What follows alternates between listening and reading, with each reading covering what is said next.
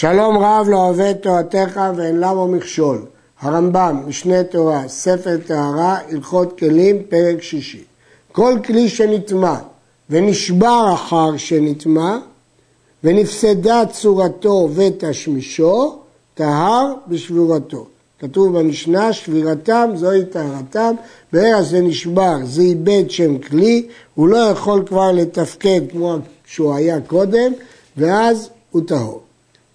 וכן כלים שנשברו כשהם טהורים, שבריהם אין מקבלים תרומה. בין שהכלי היה קודם כל טמא ונשבר, הוא נטהר, בין אם שהוא היה טהור ונשבר, הוא לא יכול לקבל תרומה. רבי אליעזר כותב את השיעורים, הרמב"ם לא פוסק רבי אליעזר. כמה שיעור השבר שישווק כלי עץ או כלי עצם ויהיה טהור. הרמב"ם השווה כלי עץ לכלי עצם. כותב הרמב"ם, השיעור הוא כל כלי בעלי בתים שיעורם ברימונים. כיצד? משינקב הכלי במוציא רימון, טהור. כלומר, אם הנקב כזה גורם שאי אפשר להחזיק בו רימונים, כבר זה לא כלי כיבוד. והרימון שאמרו בינוני, לא גדול ולא קטן, לפי דעתו של הרועה. ויהיו בכלי שלושה רימונים אחוזים זה בזה. כלומר, הגודל של הנקב הוא כרימון, והרימון שאמרו הוא רימון בינוני, יש מחלוקת תנאים במשנה, כך נפסקה, נפסקה ההלכה, והבינוני הוא לפי דעתו של רועה. אבל מוסיף הרמב"ם, לפי המשנה, רימונים שאמרו שלושה אחוזים זה בזה. אה, כלומר, שהרימונים האלה הם, אם ישימו בכלי אחד בודד, הוא בוודאי ייפול. אבל שלושה עוצרים ומעכבים אחד את השני מליפול, ולכן מודדים את זה בשלושה אחוזים זה בזה. כלומר, הם מעכבים זה בזה וליפול. זאת אומרת שהנקל צריך להיות גדול כדי שבכל אופן הרימון ייפול. הרעב"ד משיג על ההלכה הזאת בחריפות והוא אומר שזה לא מסביר מה פירוש שלושה רימונים אחוזים זה בזה. הרעב"ד מפרש באופן אחר שרימון אחד אינו יכול להידחק ולצאת מן הכלי ושלושה רימונים אחוזים זה בזה, מכבידים זה על זה, ולכן אחד מהם נופל בתוך הכלי, להפך. כלומר, דווקא כשהם שלושה רימונים, הם יורדים, נופלים בכלי. פירוש שני מפרש הרעב"ד ששלושה רימונים זה גודל הכלי, אבל גודל הנקב זה רימון אחד. ניקב הכלי במוציא זית וסתמו, וחזר וניקב במוציא זית וסתמו עד שהשלימו למוציא רימון, אף על פי שהוא סתום טהור. שהרי נעשו לו פנים חדשות. לכן יש פה חידוש גדול, שלמרות שבפועל הוא לא נקב כמוציא רימון, אבל כיוון שכל הנקבים יש בהם כמוציא רימון, למרות שהוא סתם אותם, זה כבר כלי חדש, אבל כלי הטמא הראשון נטהר. כלים שהסייד מתחילה נקובים במוציא רימון, כך מראש הם נעשו, כגון הסל והפוחלת של גמלים והפיפיירות כלומר סוג של רשתות שמראש הם עשויים כדי שלא יוכלו להחזיק רימונים. הרי אלו מקבלים טומאה עד שעיקרה רובם, כי הכלי הזה מראש עשוי להיות בצורה של רשת של רימונים נופלים מתוכו. ולכן בוודאי שזה אה, טמא עד שעיקרה רובם. הרייבד השיג, והוא מקשה ממשנה שכתוב פוחלת של גמלים טהור מכלום. ומאוד תוספתא שכתוב הסל והפוחלט של גמלים שעשה מתחילה מקבל רימונים טמאים, דווקא צריך שיקבלו רימונים. אבל ברור שהרמב"ם מבין לא כך. הרמב"ם מבין שהפוחלץ, מתי זה לא מקבל טומאה? כשהוא בכלל לא בית קיבול, או כשהחבלים שלו קשים ועבים ואינו ראוי לשבת עליו. כלומר שיש שני סוגי פוחלצים. הפוחלץ הזה מקבל טומאה והפוחלץ ההוא לא מקבל טומאה. זה דחוק וקשה, כי סוף סוף הרמב"ם מביא משנה מפורשת שפוחלץ של גמלים לא מקבל טומאה. הפיירות שעשה להם קנים מלמעלה ומלמטה לחזק, טהורה. מה זה הפפיירות? פפיירות זה סככות, כהן רשתות, שהורגים מן הקנים כדי שיתפשטו עליהם ענפי הכרמים. אז זה עוד לא כלי. עשה להם גפיים כלשהם, טבעות וידיות מסביב, הם הפכו להיות כלי.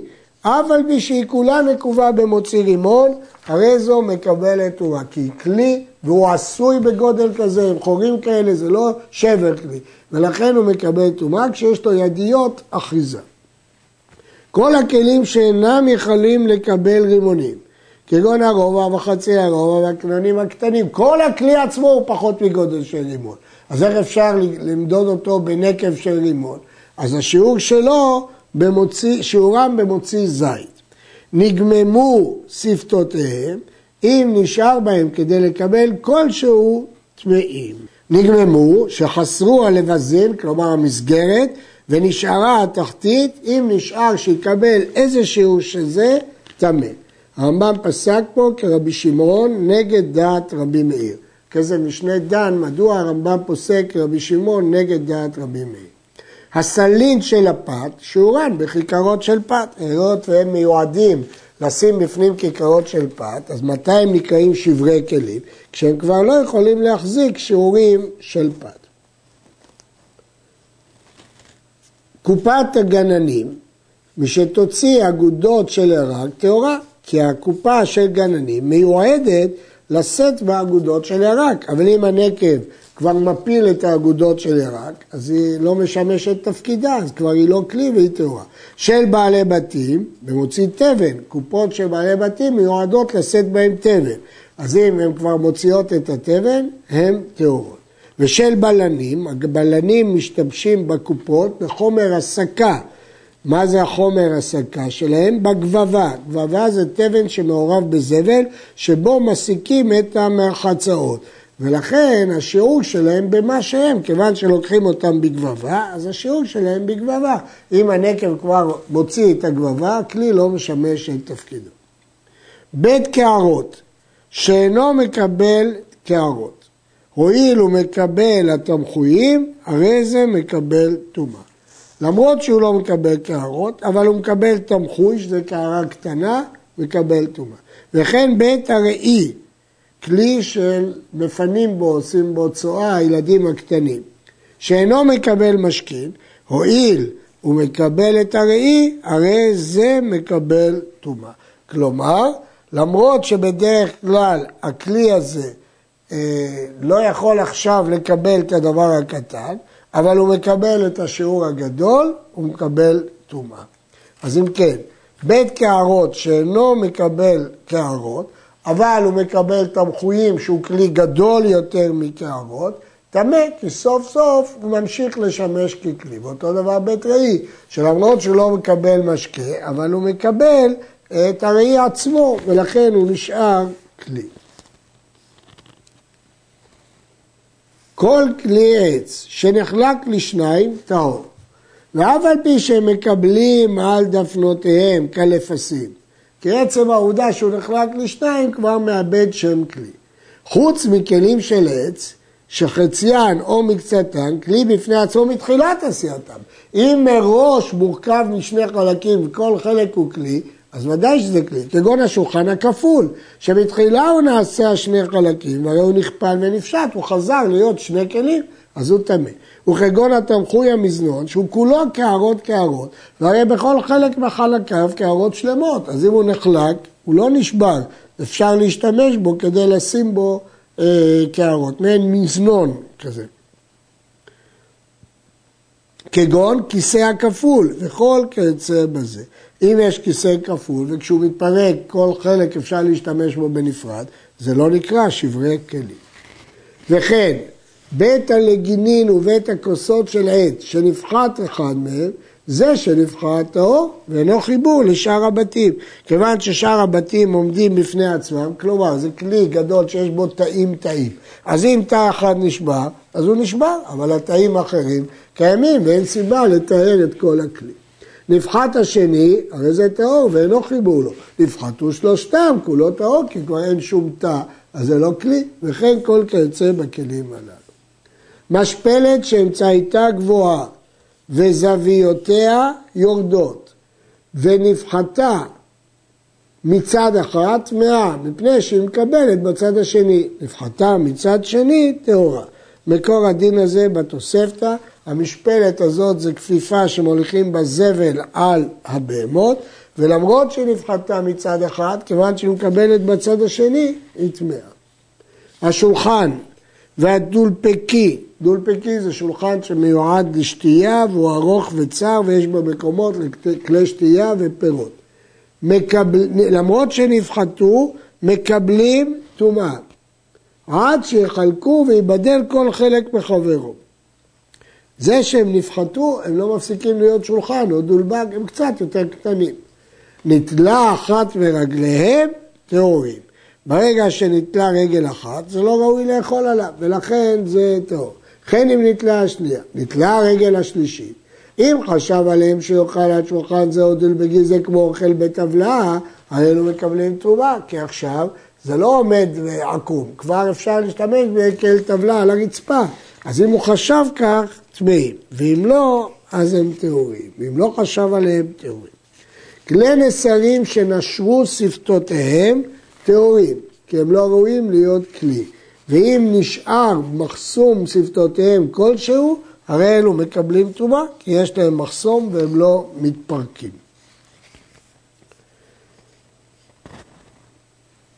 המשנה אומרת חומר בשיירי כלי נסרים מבתחילתם, שמתחילתם אינם מקבלים טומאה עד שיתחסמו. נתחסמו אף על פי שנשרו שפתותיהם כלשהו טמאים.